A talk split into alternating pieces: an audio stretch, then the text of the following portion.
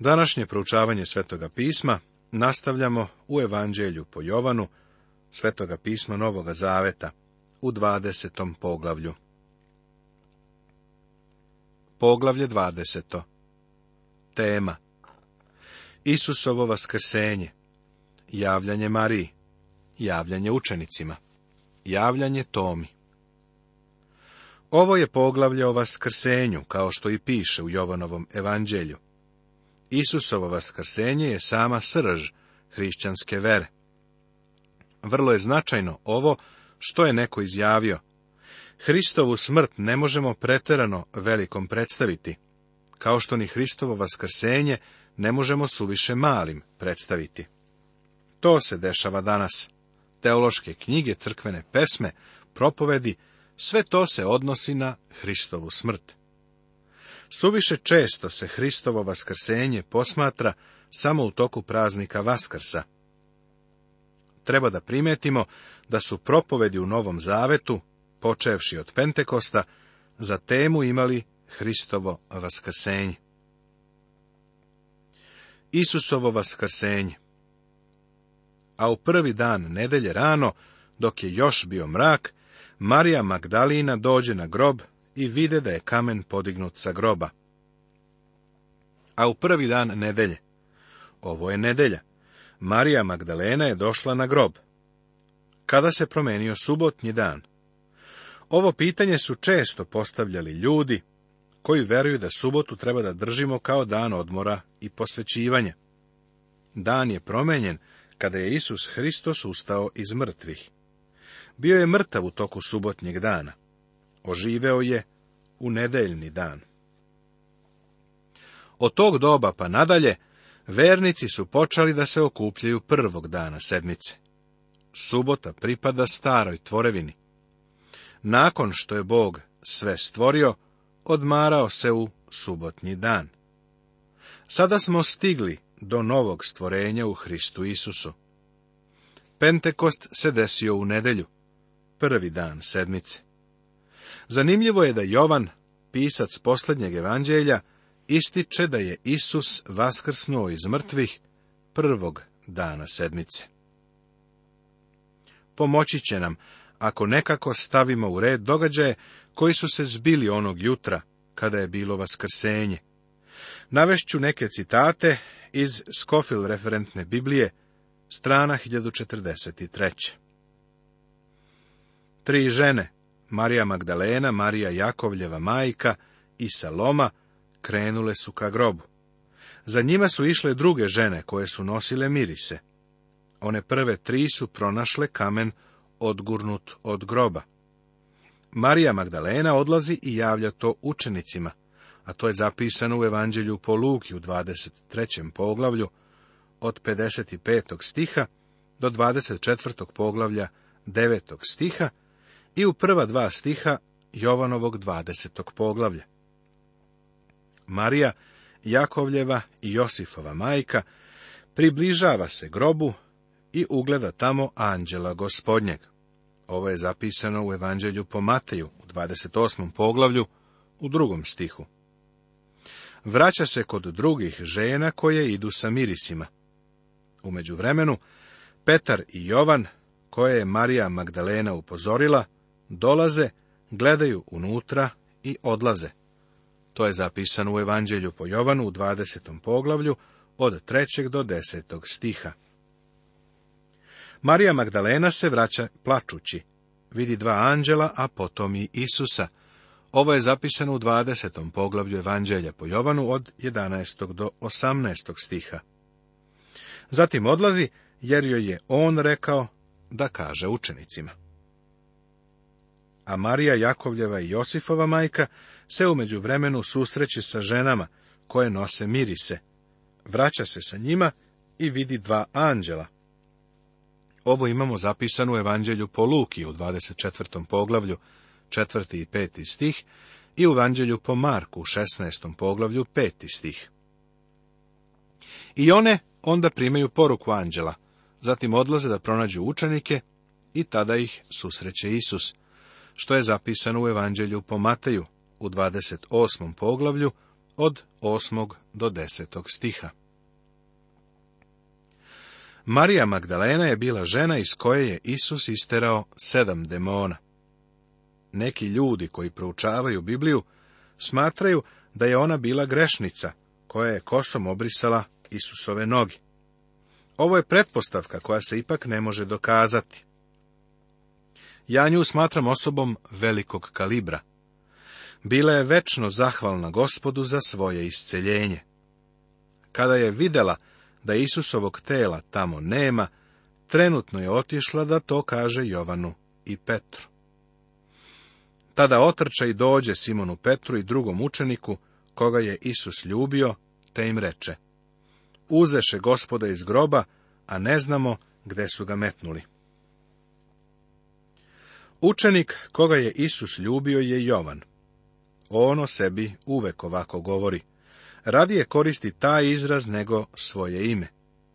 Svi Isusovi učenici, osim Jude, mogli su da koriste taj izraz za sebe. I ti za sebe možeš da ga koristiš.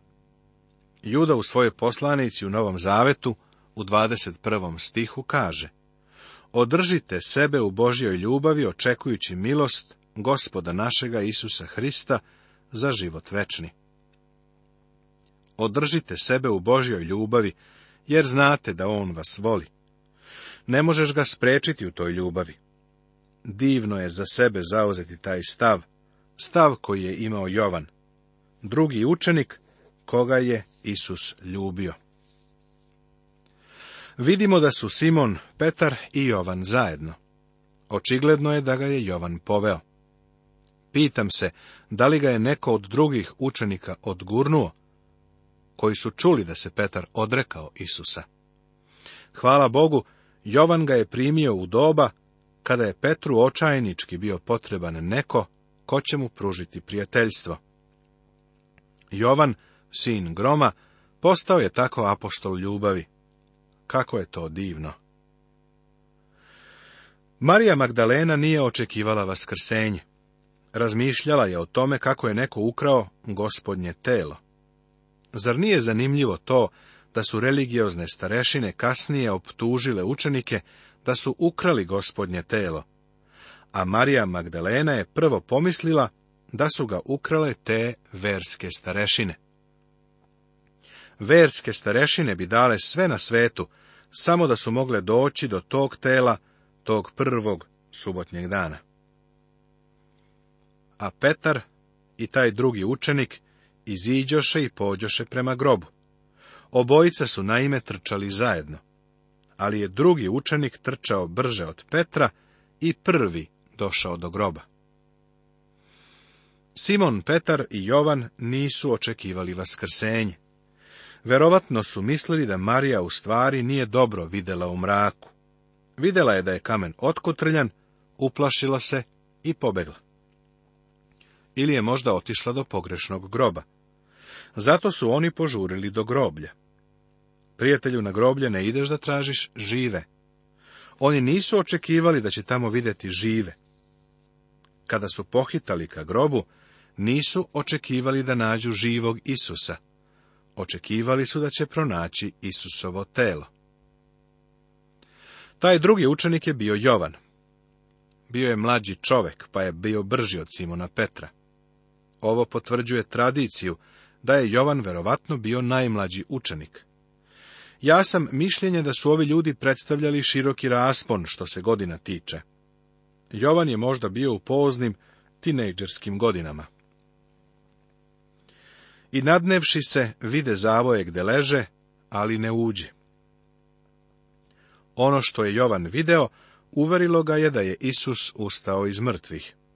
Tamo je stigao prvi, ali pošto je gajio izvesnu uzdržanost i poštovanje, nije ušao unutra. Zaustavio se da bi pogledao kroz vrlo mali ulaz koji je bio izrezan od kamena. Video je dokaz koji ga je ubedio. Zadivljujuće je kako Bog koristi male stvari da bi uverio ljudska srca. Neko je rekao, velika vrata se ljuljaju na malim šarkama. Jovan je video tamo zavoje, ali tela nije bilo. Zatim stiže i Simon Petar, koji je išao za njim, pa uđe u grob. I vide platnene zavoje gde leže. Zatim, dakle, dolazi Simon Petar, zadihan, zaduvan.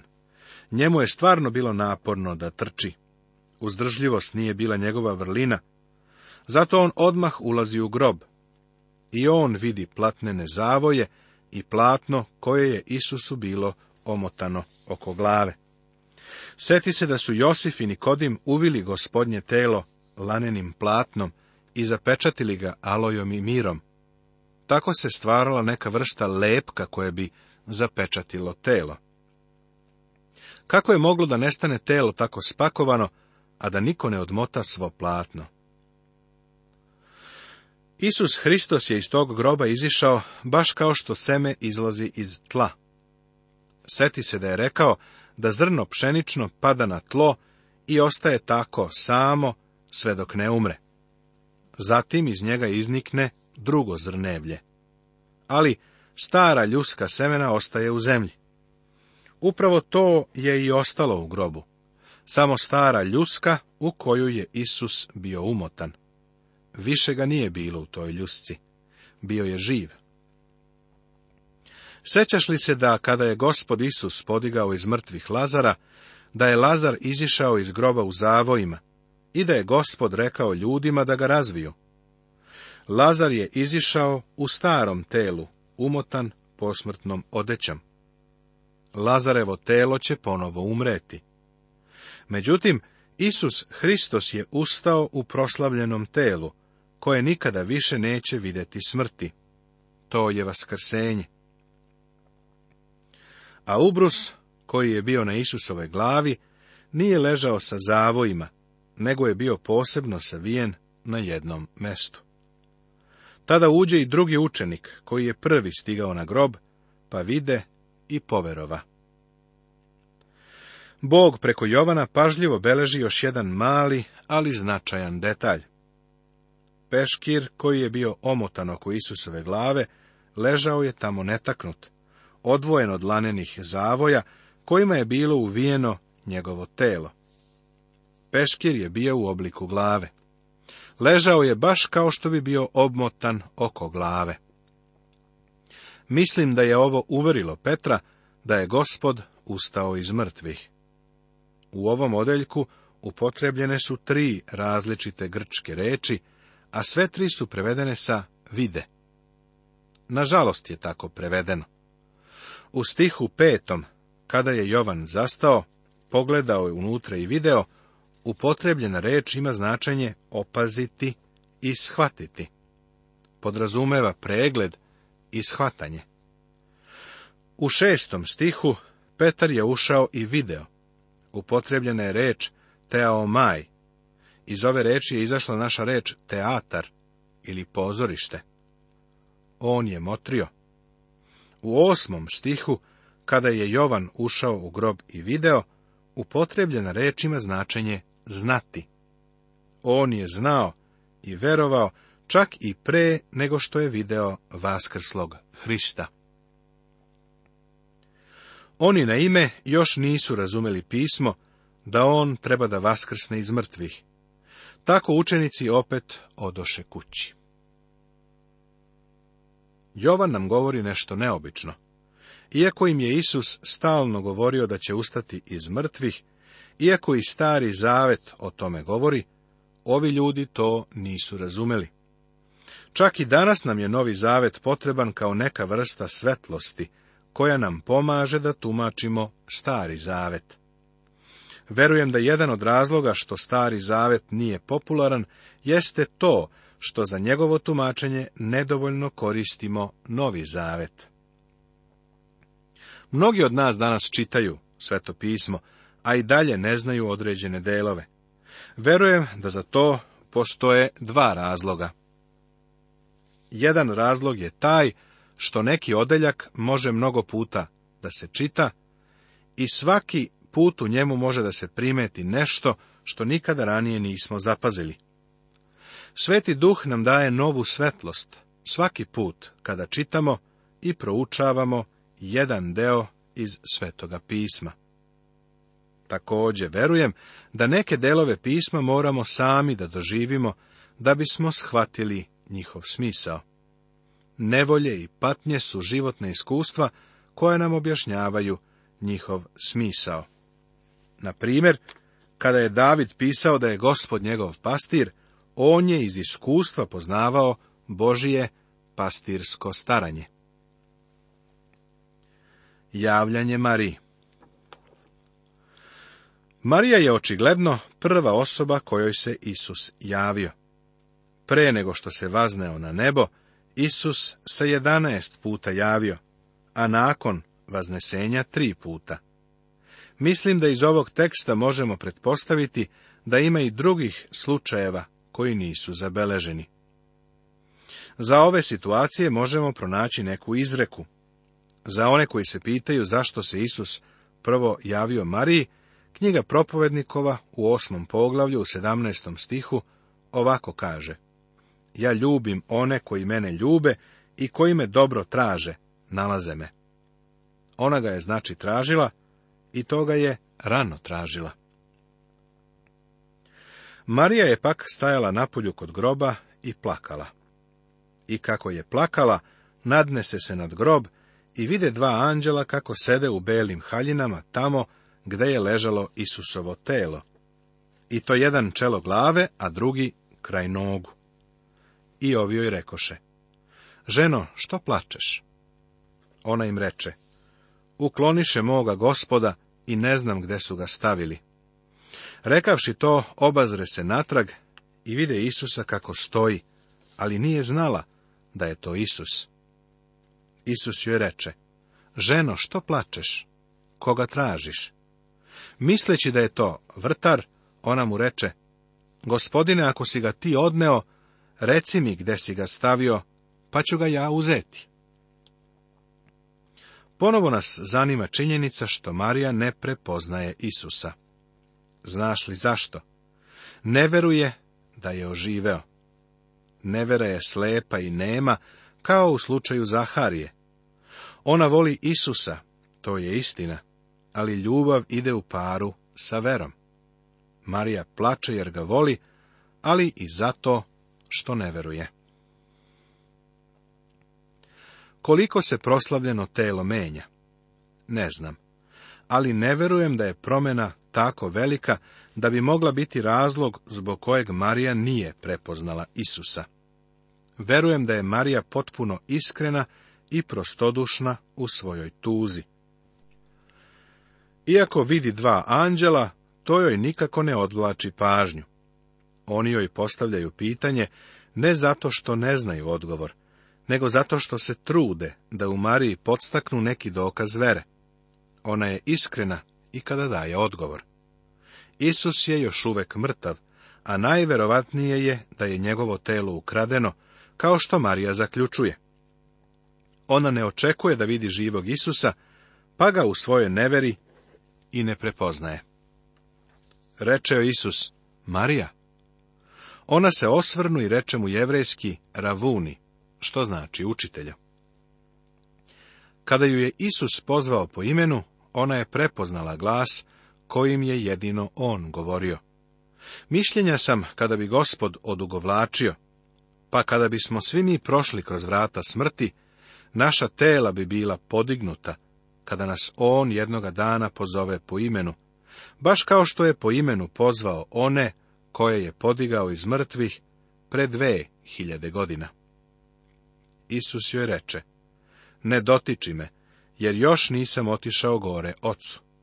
Nego, idi do moje braće i reci im, ja idem gore svome ocu i ocu vašem, svome Bogu i Bogu vašem. Gospod Isus je rekao Mariji da ga ne dotiče. Reč dodirivati na grčkom je haptomaj, što znači držati. Kasnije je učenicima rekao da ga dotaknu. Zbog čega? Isus kaže Mariji, jer još nisam otišao gore ocu. Zbog ovoga ona ne sme da ga dotiče. Prema tome, očigledno je da se on vratio ocu pre nego što se javio učenicima u kući. Verujem da je gospod svoju krv prineo pred Božiji tron i da je ta krv mesto suda preokrenula u mesto milosti koje i danas traje. Ta krv je prolivena za naše grehe. Mislim da će ta krv biti tamo kroz celu večnost, kao večno svedočanstvo cene koju je Isus platio za nas. Primetit ćeš da Isus Boga zove mojim ocem i vašim ocem, mojim Bogom i vašim Bogom. Njegov odnos sa ocem razlikuje se od našeg odnosa sa ocem nebeskim. Mi postajemo sinovi Božiji kroz veru, u Isusa Hrista, a Hristos je deo trojstva, večni Boži sin. Ovde Isus ukazuje na tu razliku. Nastavit će se.